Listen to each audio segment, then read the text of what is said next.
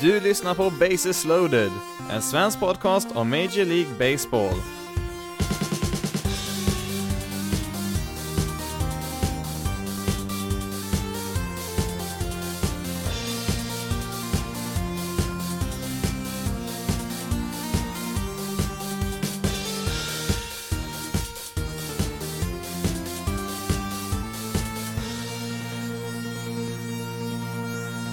Och välkommen till veckans avsnitt av Bases loaded, en svensk podcast om Major League Baseball.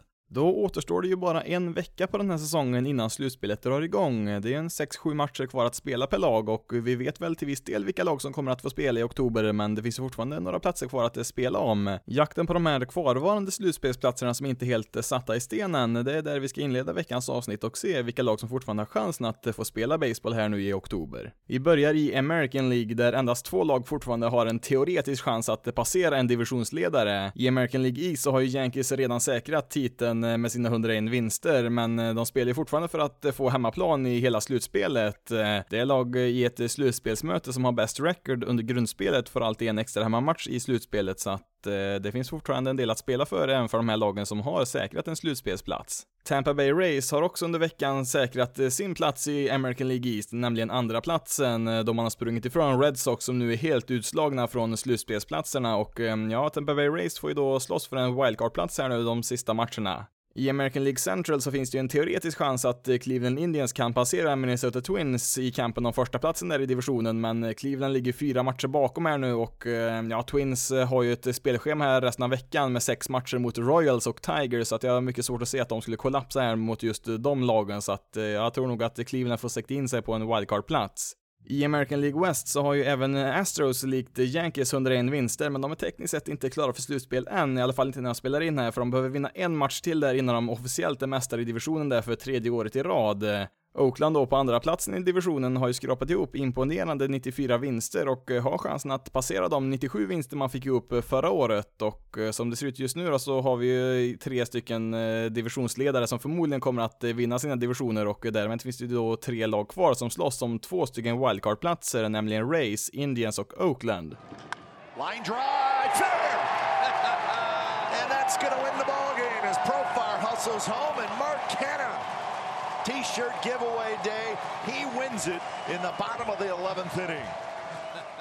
Mark Canna och hans Oakland fortsätter ju att vinna match efter match och eh, ja, sen första augusti så har Oakland gått eh, 31-13 eh, eller strax över 70 i vinstprocent har man under den tidsperioden, vilket inget annat lag ens kommer i närheten av. Oakland har ju verkligen prickat in formen i rätt tid här nu på slutet av säsongen. Visst, nu ser det väl ut som att deras säsong kommer att avgöras i en wildcard-match som är, ja, den är väl mer eller mindre 50-50 vem som vinner den oftast, men ja, det var väl samtidigt inte direkt realistiskt att förvänta sig att Oakland skulle vinna division rotationen för Astros så länge som Astros spelar på sin förväntade nivå. I nuläget så tycker jag nog att Oakland ligger bäst till för att bli ett av de här två lagen som får spela i wildcard-matchen. Inte bara för att de har bäst record utav de här tre lagen, men också för att de verkar ha den bästa laguppställningen i nuläget. De har ju två matchers försprång till Tampa Bay Race i nuläget eh, som har den andra wildcard-platsen, men det känns också som att eh, det har lossnat rejält här för Oakland som på många sätt är ett eh, nytt lag sedan opening day. Kärnan av laget är absolut densamma, men som jag nämnt i tidigare avsnitt så har man ju på sistone förstärkts utav, ja, dels sina framtida stjärnor som AJ Puck och Jesus Luzardo i deras bullpen. Eh, den sistnämnda där kan ju dessutom kasta en 2-3 innings per match där om det behövs. Sen så har vi även Sean Murphy där på catcher som har kommit in och varit eh, en väldigt positiv injektion i deras lineup så att eh, det ser väldigt bra ut för Oakland i nuläget.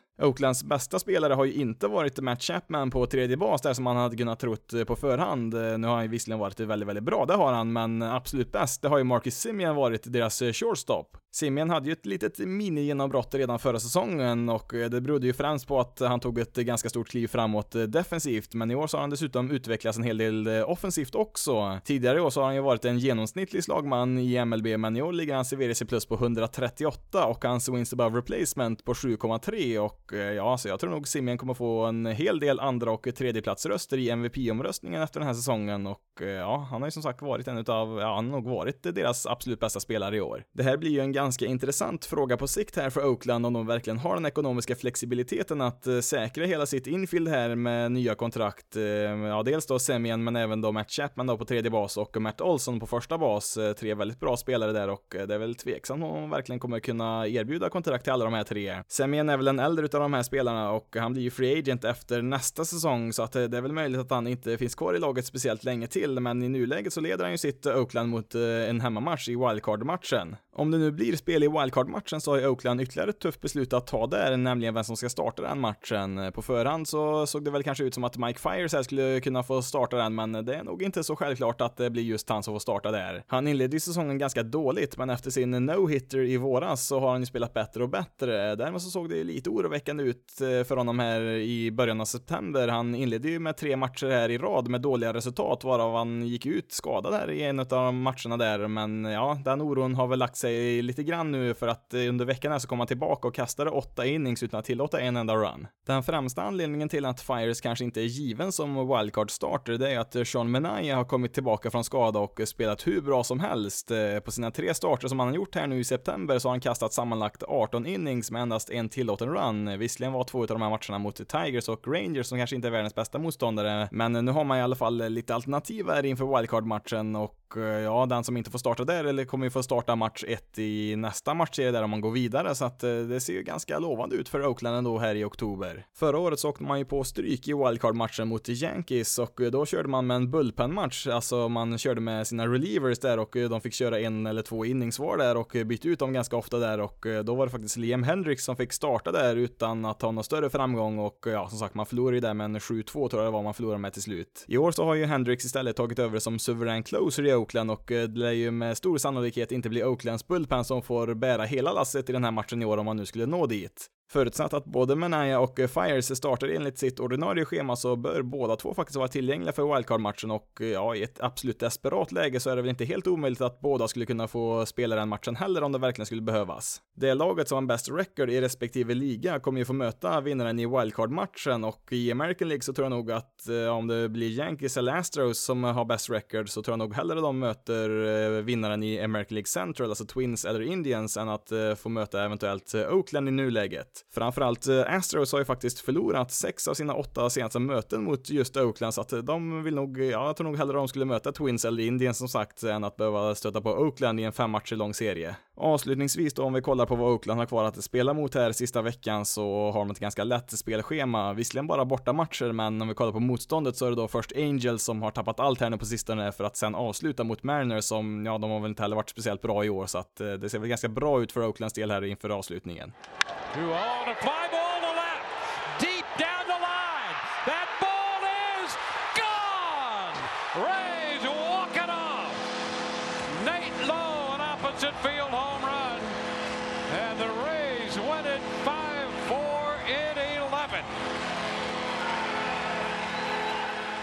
Tampa Bay Rays är ju ett annat lag som bara vinner och vinner här nu på sistone. De eh, ligger ju i nuläget då på andra wildcard-platsen, en match före Indians och eh, även de har ju gått riktigt bra sedan första augusti. 29 vinster, 15 förluster är deras record sedan dess. Dessutom så har de fått tillbaka både Blake Snell och Tyler Glasnow ganska nyligen till deras rotation. Eh, sen har väl de bara kastat två eller tre innings sedan de kom tillbaka per match och de lär väl endast få en eller kanske två möjligheter till att starta en match och frågan är ju hur de kommer att användas i ett eventuellt slutspel.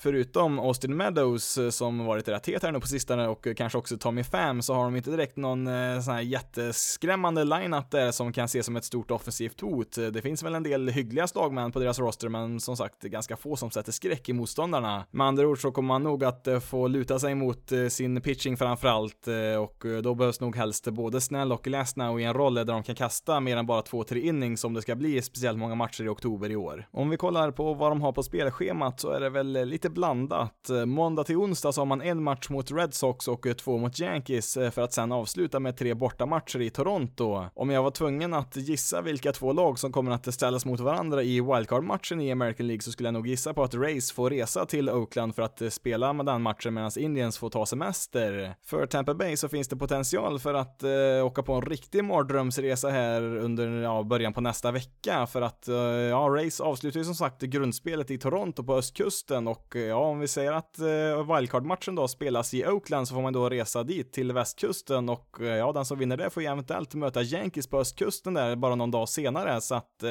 ja, det kan ju med andra ord bli ett antal mil och tidszoner som Tampa får flyga igenom där om de skulle ta sig vidare till divisionsserien i slutspelet. Och ja, nu kan väl Oakland åka på samma resa de också om det skulle bli omvänt i ställningen där, så att ja, det blir intressant att se om det skulle bli så för något av de här lagen som går vidare från wildcard-matchen, hur deras dagsform ser ut där i första matchen på nästa, nästa slutspelsserie där, om det påverkar de här långa resorna eller inte.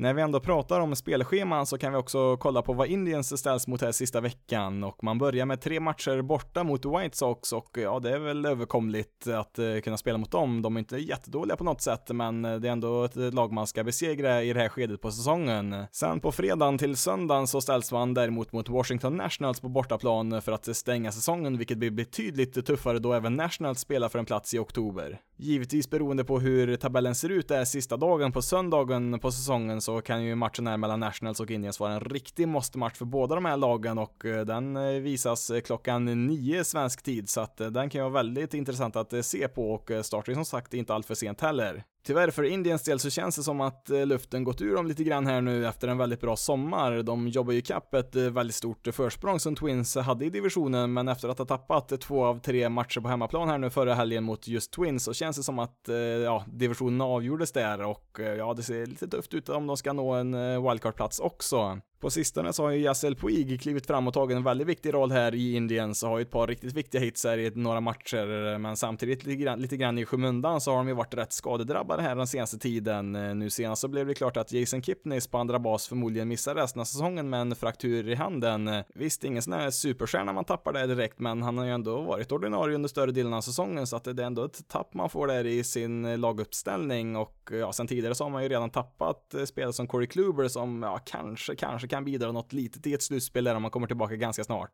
Även Jose Ramirez eh, på tredje bas har ju varit borta här ett tag, en dryg månad. Eh, det var en väldigt eh, dåligt tajmad skada där på honom, för han spelade ju riktigt, riktigt bra där när Indians var som bäst innan han åkte på sin skada och ja, nu ser det väl i och för sig ut som han är tillbaka här ganska snart, men frågan är ju om han har tid att komma igång igen här innan söndagen då när säsongen är slut.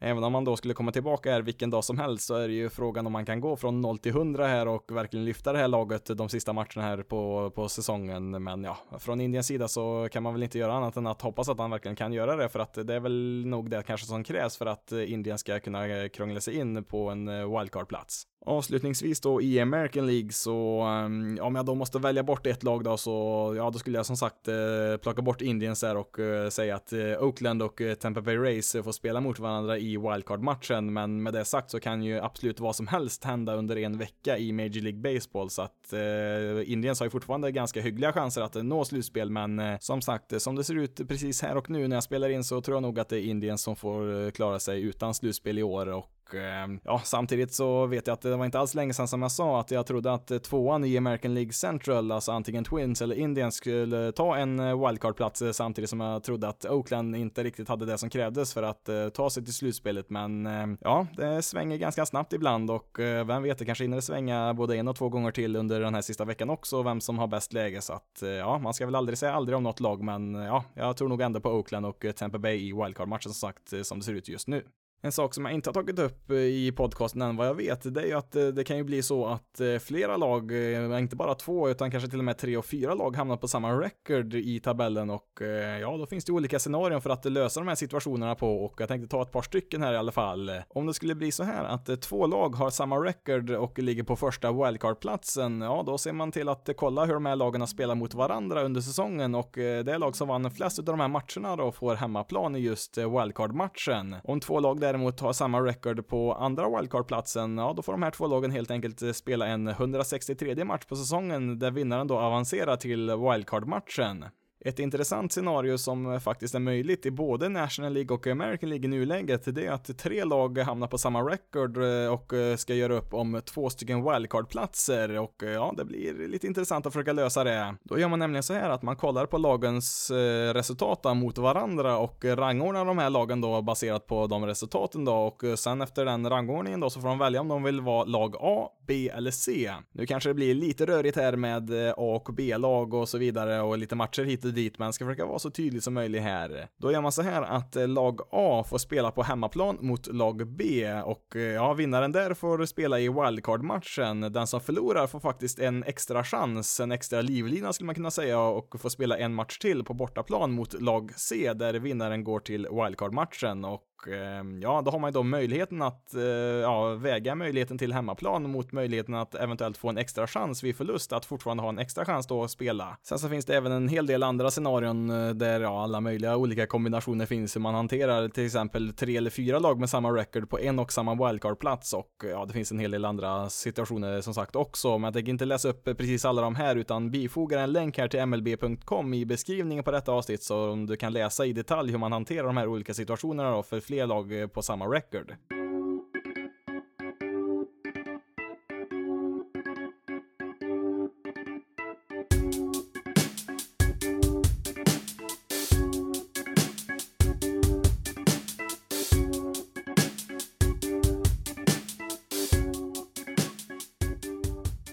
Ska vi fortsätta med National League eh, där vi tekniskt sett har sju lag som fortfarande har chansen att eh, antingen få spela eller helt missa slutspelet. Eh, men det är väl egentligen främst fyra lag som gör upp om de tre sista platserna där i National League. I National League West så har ju Dodgers som bekant redan säkrat divisionstiteln sedan ganska länge tillbaka här och eh, Diamondbacks där kan tekniskt sett nå en wildcard-plats men de ligger fem matcher bakom andra wildcard-platsen i nuläget vilket de troligtvis inte kommer att ta igen även om de skulle vinna samtliga matcher de har kvar att spela. I National League East så har ju Atlanta Braves eh, säkrat sin andra raka divisionstitel medan Nationals eh, ligger på första wildcardplatsen, en match före Brewers eh, på andra wildcardplatsen. Just Brewers då ligger i sin tur tre matcher före Cubs som har en hel del att ta igen här sista veckan och ja, tilläggas ska ju också då att Cardinals leder National League Central tre matcher före Brewers och fem matcher före Cubs som med största sannolikhet då inte kommer att kunna ta igen just Cardinals försprång där. Mets och Phillies ligger fyra och en halv respektive fem matcher bakom en wildcard wildcard-plats och ja, de har ju teoretiskt sett eh, chansen, men ja, ganska liten chans att någon av de här två lagen kommer att eh, få spela i oktober. Ja, detta Cardinals då som eh, något överraskande ser ut att eh, till slut vinna National League Central i år. då man byggt upp en ledning på tre matcher här inför sista veckan och ja, dock är det väl långt ifrån någon garanti att man vinner divisionen för under sista veckan så ska man ställas först mot Diamondbacks på bortaplan för att sedan resa hem till St. Louis och avsluta med tre matcher mot Cubs. Just The Cubs ligger ju i nuläget sex matcher bakom Cardinals eh, som bara behöver vinna två matcher till för att göra en divisionsseger omöjlig för Cubs. Eh, däremot så har ju Milwaukee Brewers varit stekheta på sistone och har väl åtminstone en möjlighet att fortfarande vinna divisionen. Men jag tror nog att det är lite för sent för att rubba på Cardinals nu och eh, jag tror nog de kommer vara superladdade där inför sista matchen där mot Cubs och försöka spela bort dem helt och hållet där från slutspelet på hemmaplan där i St. Louis. Om däremot Cubs kommer ut sista veckan här och spelar riktigt desperat och kanske till och med sveper Cardinals, ja då finns det en ändå en rätt hygglig chans att, eh, ja, åtminstone Brewers passerar Cardinals i tabellen där och eh, ja, det finns faktiskt fortfarande en viss chans att eh, Cardinals missar slutspelet helt och hållet, även om inte det är speciellt troligt. När Christian Jelic åkte på en fraktur på sin knäskål och därmed inte kunde spela mer i år så trodde nog de flesta att det var kört för Milwaukee, men de har ju trotsat oddsen här genom att vara ligans hetaste lag här på sistone och vunnit åtta av sina tio senaste matcher och ligger nu på den andra wildcard-platsen då, tre matcher för Cubs. Dessutom så är man bara en match från första wildcard-platsen där som Nationals har, så att eh, man har ju absolut chans att spela till sig hemmaplan i en wildcard-match här nu den sista veckan. Anledningen till att eh, Brewers har gått så starkt här på sistone, även utan Jelic, eh, det är ju framförallt på grund av deras väldigt svaga spelschema med många bottenlag och ja, nu avslutar man med två bottenlag till här, visserligen på bortaplan då, men man spelar mot Reds och Rockies som mer eller mindre har gett upp på den här säsongen. Eller ja, de har ju för sig båda de här två lagen vunnit sex av sina tio senaste matcher, så att de har väl inte tagit semester riktigt än, men mot ett högmotiverat Brewers så får de nog lite svårare att eh, stå emot. Med det sagt så räknar jag absolut inte bort Cubs i nuläget, eh, men det är helt klart eh, fördel Brewers som det ser ut precis här och nu i jakten på en wildcard-plats bland lagen i National League Central. Jag sitter ju här och spelar in på söndagen den 22, så de här siffrorna från de olika tabellerna kommer ju vara lite annorlunda när du lyssnar på detta, men om du vill hänga med dag för dag i slutspelsracet så kan du följa Basis Loaded på Twitter, Facebook och Instagram. Jag har nämligen tänkt att på de plattformarna uppdatera läget dag för för dag där då, måndag till söndag här sista veckan för att eh, ja, uppdatera då hur slutspelsjakten ser ut och ja, du hittar länkarna till de ställena i beskrivningen på detta avsnitt. First pitch in a high fly ball. Left center at the wall. God! One pitch. He tied it. He tied it. And this one driven out to left center. Back to back. Yes! Yes! Yes! St. Louis on top. Two bombs, two pitches. 9 8 St. Louis. They're shocked here at Wrigley. Nu är det ju som sagt lite matcher kvar att spela, men det kanske var just där i lördags som Chicago Cubs säsong 2019 på riktigt tog slut. Eh, det du hörde där var när Cardinals med en runs underläge i den nionde inningen först kvitterade för att sen ta ledningen på två raka solo-homeruns mot Craig Kimbrell och hans Cubs som då halkar ner tre matcher bakom en wildcard-plats som resultat. Som sagt så spelar jag in här nu på söndag och eh, ja, de spelar ju en sista match här som precis har börjat, Cubs och Cardinals, den fjärde och sista i den här matchserien som de spelar just nu i Chicago och ja, Cubs har en tidig 1-0-ledning i alla fall och ja, det är en måste-match där för Cubs. Skulle de förlora en fjärde raka här mot, eh, mot Cardinals och ja, då ligger de ju riktigt illa till. Inte för att man nödvändigtvis behöver besegra och krypa närmare Cardinals, för det tror jag nog är lite för sent nu, men de måste ju se till att ta in, eller framförallt inte halka ännu längre bort i wildcard-jakten där och Eh, ja, det märktes ju här i samma match som du hörde i ljudklippet där under lördagen hur, hur desperata Cubs är, för man slängde faktiskt in eh, Javi Baez som pinch hitter där, trots att han har en fraktur i handen där. Från början så var det ju sagt att han som tidigast kunde vara tillbaka en bit in i slutspelet, men man valde ju att ta en chansning och slänga in honom här i slutet av matchen ändå, där han eh, till slut strikade ut och avslutade matchen. 0-2 pitch. He struck him out! Best win of the year! You bet! 9-8. Cardinals win it. The Cubs are now six back of St. Louis. And they look for a sweep tomorrow. Man spelar ju också med en ganska tydligt halvskadad Anthony Rizzo som nyligen stukat foten, men han tvingar ju sig igenom matcherna ändå här nu på slutet och eh, ja, som sagt, det är ju ett desperat Cubs vi ser spela nu, men tyvärr för deras del så ser det inte ut att räcka.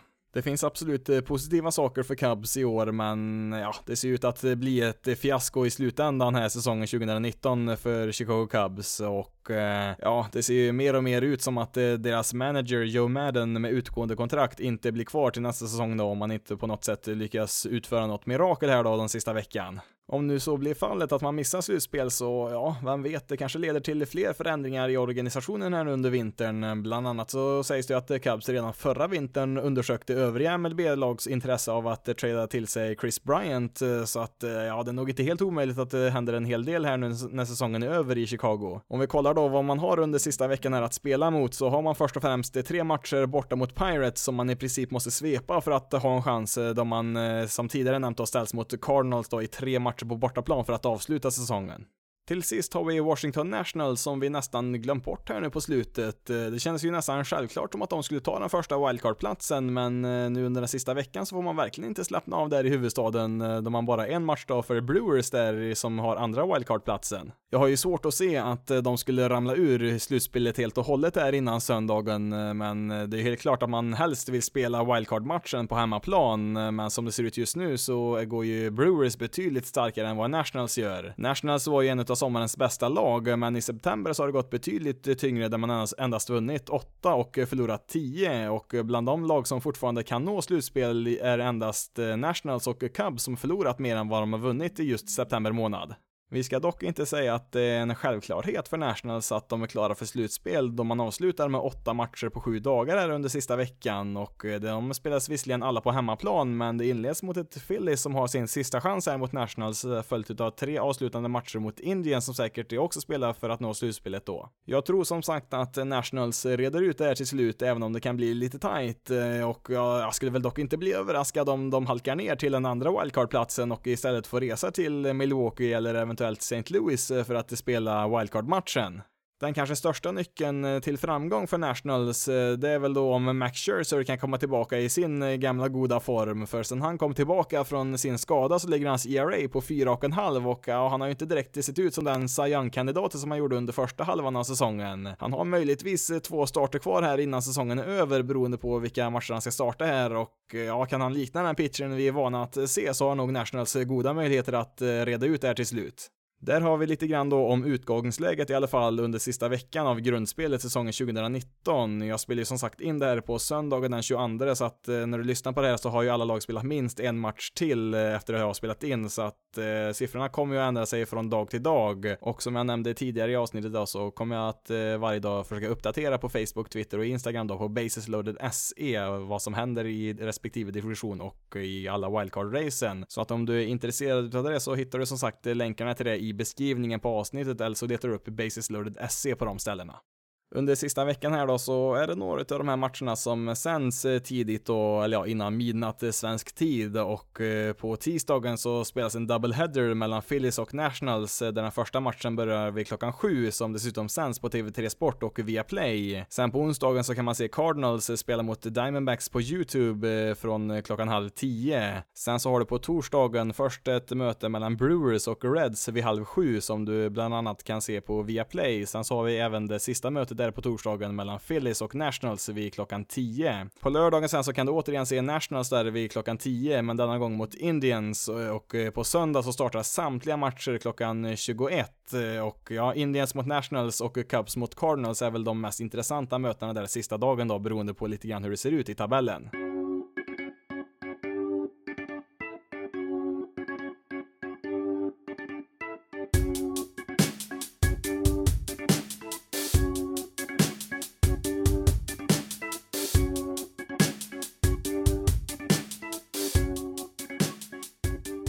Den senaste tiden har det varit en hel del tunga skador på stora profiler och under veckan så fortsatte det på sina håll, men kanske inte riktigt på lika stora profiler, men ändå en del spelare som förväntades bidra i ett eventuellt slutspel. När vi pratar om skador 2019 så finns det väl inget bättre lag än New York Yankees att prata om och visst så finns även de med den här veckan med både positiva och negativa skadenyheter. Det positiva var ju att både Delin Betances och Luis Severino var tillbaka på deras MLB-roster. Det negativa var ju däremot att Betances säsong varade i exakt två tredjedelars inning innan eh, den var slut. I samband med hans säsongsdebut för en vecka sedan så skuttade han till utav glädje där i samband med en strikeout där och landade lite dumt på foten där, vilket resulterade i att hans hälsena delvis revs sönder och eh, troligtvis kommer han inte kasta något mer i år. Nu är väl i och för sig Yankees bullpen redan riktigt bra utan Betances, men med tanke på hur mycket de har fått jobba i år med deras starting rotation så hade det inte direkt skadat om han funnits med där för att, ja, om de inte får bättre hjälp i slutspelet än vad de fått under säsongen från sin starting rotation, ja, då kommer det bli ganska tung belastning där i deras bullpen. Ground ball to second. 67 pitches, four shutout innings. What a return for Luis Severino. He couldn't ask for more. The Yankees couldn't have asked Passande då kanske att Luis Severino är tillbaka efter nästan ett helt år utan att ha kastat i MLB.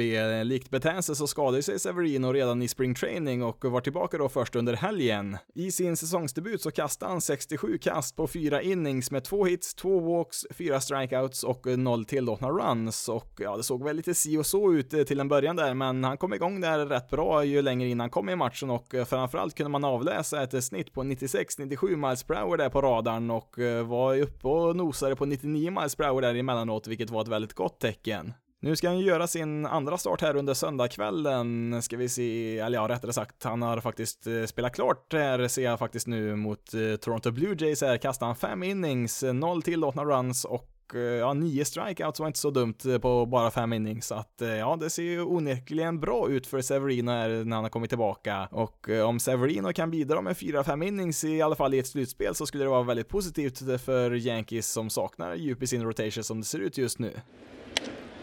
That one is ripped into left center field. A bullet into the gap and up against the wall. Welcome back, Stanley comes back with a double. Andra välkomna nyheter i Yankees, det är ju att Giancarlo Stanton är tillbaka och började direkt med en double där i sitt första at-bat. Och det har väl också blivit en non-homerun där under helgen. Och ja, han kommer i alla fall få lite matchträning här innan slutspelet drar igång. Givetvis så är det svårt att eh, veta vad man kan förvänta sig av Stanton resten av året då han bara spelat ett dussin matcher i år, men vi vet ju vad han kan bidra med när han väl är i form så att eh, ja, jag tror nog att Yankees är glada över att se honom tillbaka i sin lineup här inför slutspelet. And Charlie bunts that ball off his face. Charlie Culberson just bunted the ball and it went right up to his face. Charlie Culberson never got Wood on the ball.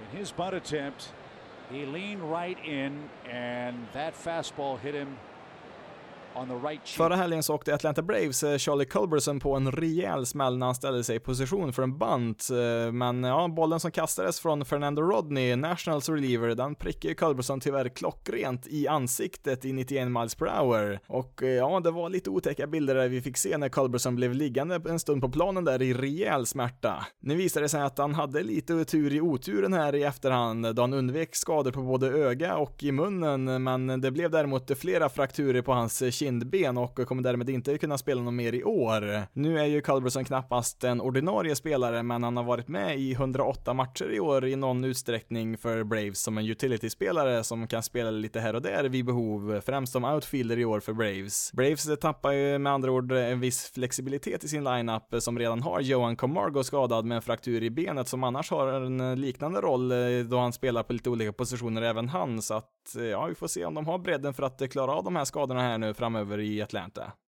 Twins Bullpen fick två förstärkningar under sommaren. Dels Sergio Romo som har spelat eh, bra så här långt i sin nya klubb och även Sam Dyson som tyvärr inte haft eh, lika stora framgångar. Dyson har ju spelat med diverse skador sedan han kom till Minnesota från Giants och hans ERA sen traden ligger ju på över 7 på 11 innings som han kastat i år för Twins. Nu ser det ut som att Dysons säsong är över då han troligtvis kommer att tvingas genomgå en axeloperation nästa vecka som gör att han inte är aktuell för spel än som eh, Twins skulle gå hela vägen till en World Series. Allt är väl dock inte inte eh, förlorat i den här traden eh, för Twins eh, då han har ett år kvar i arbitration innan han blir free agent så att han har väl åtminstone chansen för revansch till nästa säsong här i Minnesota. Från en nuvarande Twins-pitcher till en före detta, Ryan Presley kom tillbaka här i fredags efter exakt en månads frånvaro på grund av en knäoperation och han kastade en felfri inning med två strikeouts för sitt Astros mot Angels. Givetvis väldigt goda nyheter för Astros som från början eh, trodde att han eventuellt skulle vara tillbaka först när slutspelet startade, men eh, nu hinner ju Presley få chansen här i några matcher innan säsongen är slut. Astros Bullpen har ju varit lite av ett eh, frågetecken inför slutspelet, men med Presley tillbaka så ser det ju betydligt bättre ut då han är en utav de bästa, om inte den absolut bästa relievern som Astros har just nu.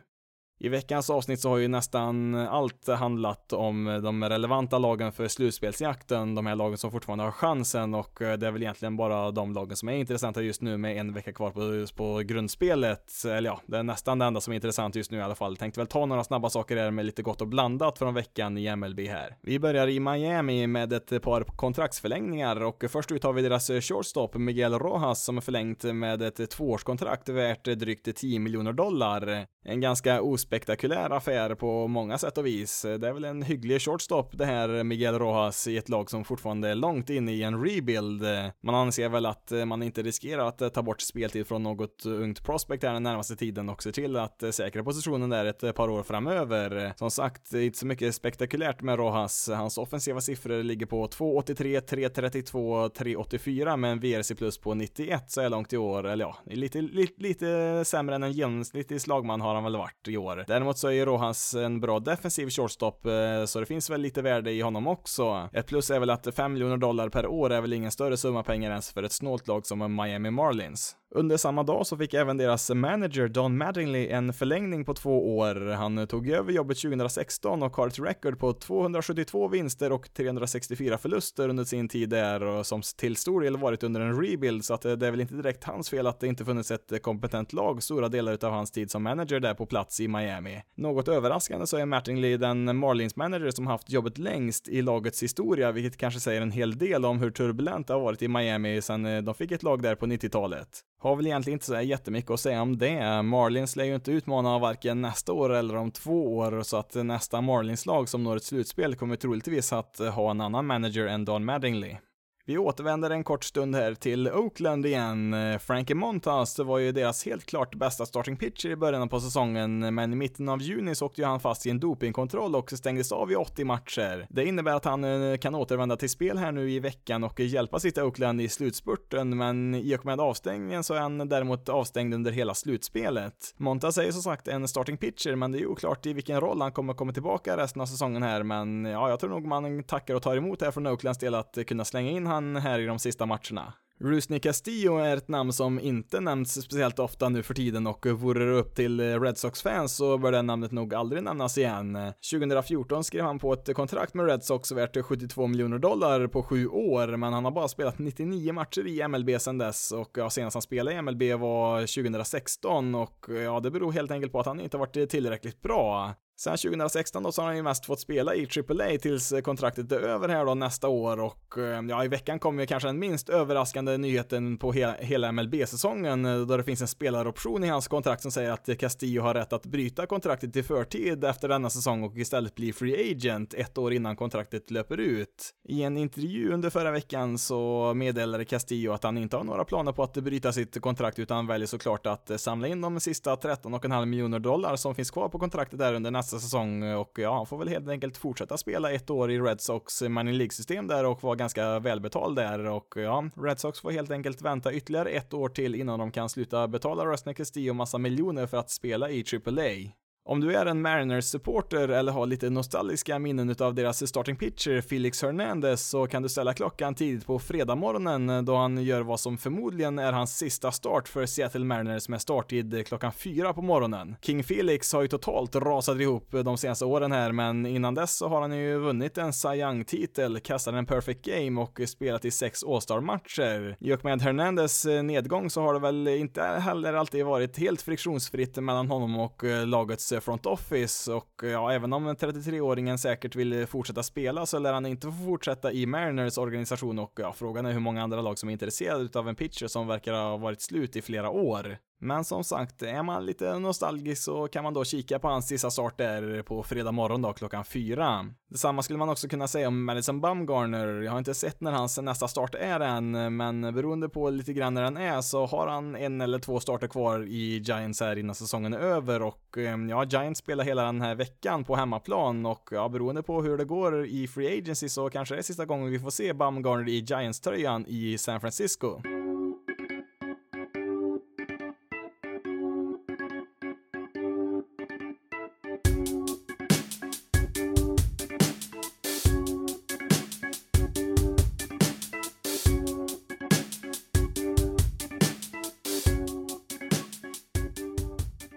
Ska vi avsluta med veckans bästa och sämsta, men vi börjar med veckans statistik. För veckans statistik får vi gå tillbaka till den 3 juni 1915. Hjalmar Hammarskjöld var svensk statsminister utan att representera ett politiskt parti. Österrike-Ungern inledde en offensiv på den östra fronten i första världskriget och drev bak de ryska trupperna till floden Dnester. Och Giants var vid den här tiden kända som New York Giants och på denna dag så vann de på Fenway Park mot Boston Braves. Det skulle sedan dröja 104 år innan Giants numera i San Francisco då vann en match på Fenway Park igen när de förra veckan besegrade Boston Red Sox. Inte helt oväntat så är 104 år ett MLB-rekord när det gäller längst tid mellan vinster på en och samma arena. Ladies and gentlemen, won't you please welcome the greatest living Red Sox player, accompanied by his beloved grandson, now a major leaguer with the San Francisco Giants.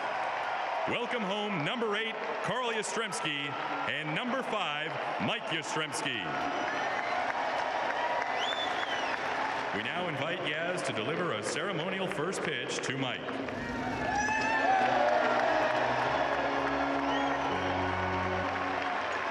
Thank you. See if Yastrzemski gets a fastball here that he can hit. He does. High into center field. It is out of here. Unbelievable. Number 20 here at Fenway Park for Mike Yastrzemski. Oh, the emotions he must be feeling right now. För veckans bästa stannar vi kvar i exakt samma möte när Giants och Red Sox spelar mot varandra under veckan. Giants Mike Jastrzemski är en 28-årig rookie som kommit lite grann från ingenstans i år och eh, ja, efter att ha spenderat sex år i Orioles minor League-system fick han äntligen chansen i år på MLB-nivå och eh, ja, han har ju verkligen tagit den chansen också. Han är väl kanske inte riktigt på samma nivå som en del andra rookies eh, som slagit igenom i år, men han har samlat ihop respektabla två wins above replacement på mindre än 400 plate appearances och har en VRC plus på 120. Med andra ord är det bra nog för att vara en ordinarie spelare i MLB MLB. Om du känner igen eh, framförallt hans efternamn så är inte det så knepigt eh, då han är barnbarn till Carl Jastrzemski som valdes in i Hall of Fame ett år innan Mike ens eh, föddes. Carl är ju en av Red Sox bästa spelare genom alla tider och i och med detta möte så var ju båda på plats där på Fenway Park. I första matchen som du hörde i ljudklippet där så slog ju Mike iväg sin 20 homerun för säsongen och inför match två där så hörde du också i ljudklippet när farfar Carl fick kasta ut första pitchen där till barnbarnet Mike. Det är ju ganska ovanligt att en spelare i bortalaget tar emot en första pitch, men ja, det fick ju göra ett undantag i det här fallet då. Mike fick ju också en hel del eh, applåder där från hemmapubliken där vid sin homerun och ja, kanske hjälpte det att eh, de redan är utslagna där i Boston och inte har något att spela för längre, men ja, ett par fina stunder där i vilket fall som helst. Och eh, fina stunder är väl precis vad MLB behöver den här veckan för det har kommit fram ett par väldigt tråkiga nyheter här också då veckans sämsta går till eh, två pitchers som misstänks för en rad olika hemskheter. Först fick vi reda på att Pirates closer Felipe Vasquez blivit anhållen misstänkt eh, för att ha spridit pornografiskt material till en minderårig person och dessutom misstänks han ha haft en relation till den här 15-åriga flickan vars ja, relation började redan för två år sedan när hon bara var 13 år gammal. Detta är fortfarande bara misstankar där och han har ju ännu inte dömts för något men samtidigt så uppges det att han har gjort vissa medgivande angående de här anklagelserna så att jag skulle nog bli väldigt förvånad om vi får se Felipe Vasquez igen på en MLB-arena. Inte långt efteråt kom det även ut att Yankees starting pitcher Domingo Herman stängs av resten av säsongen inklusive slutspelet och förväntas få en längre avstängning som sträcker sig även in på nästa säsong. Herman blev dock inte anhållen då ingen polisanmälan finns men i samband med Cici Sabathias välgörenhet nyhetsskala här under veckan ska Herman enligt rapporter slagit till sin flickvän. Detta ska bland annat ha bevittnats av eh, representanter från MLB på plats och därmed har han då stängts av eh, utan några rättsliga åtgärder då från eh, rättsväsendet. Tyvärr så förekommer ju de här incidenterna lite väl ofta när en spelare slår till sin fru eller flickvän eller något liknande då. Det händer väl i princip varje år att någon spelare gör det här och eh, ja, om vi kollar på vad som hänt med liknande incidenter de senaste åren så kan vi nog räkna med att Herman är tillbaka i spel någon gång nästa säsong, men ja, vem vet, kanske kommer MLB till slut att göra en rejäl markering för att eh, försöka motverka det här beteendet. I vilket fall som helst, eh, fullständigt vidrigt beteende från både Vasquez och Herman, men tyvärr så är det nog knappast det sista gången som liknande incidenter kommer att ske i MLB. Ja, det får nog räcka där för veckans avsnitt. Mycket fokus på slutspelsjakten, men eh, det är ju också bara en vecka kvar på grundspelet, så att eh, det är ju där de stora nyheterna finns, även om det säkert var en del jag inte fick med från de andra lagen i just eh, veckans avsnitt. Jag är lite osäker på om nästa veckas avsnitt kommer ut på måndag eller på tisdag. Jag spelar ju normalt in på söndagar så att jag kan ha ut det på måndag morgon, men ja, åtminstone delar av avsnittet nästa vecka kanske får spelas in på måndagen för att få med hela slutställningen där och vilka lag som kommer spela mot varandra i slutspelet spelet och ja, eventuellt se vilka lag som kanske får spela sådana här tiebreaker-matcher som det blir om de hamnar på samma record. Vi får se helt enkelt, eh, men om det inte dyker upp något avsnitt där på måndag morgon så lär det istället finnas i din podcast-app eh, på tisdag morgon. Men eh, nu har jag pratat tillräckligt för idag. Jag har försökt att dra ut på det så långt jag kan här när jag sitter och spelar in för att försöka få med hur det gick här mellan Cardinals och Cubs i den här matchen, men nej, nu får det vara nog helt enkelt, för nu är klockan ganska mycket här. Mitt namn är Jonathan Fabri. Tack så jättemycket för att du har lyssnat på veckans avsnitt avsnitt av Basis loaded. Ni får det så bra där ute så hörs vi nästa veckas avsnitt.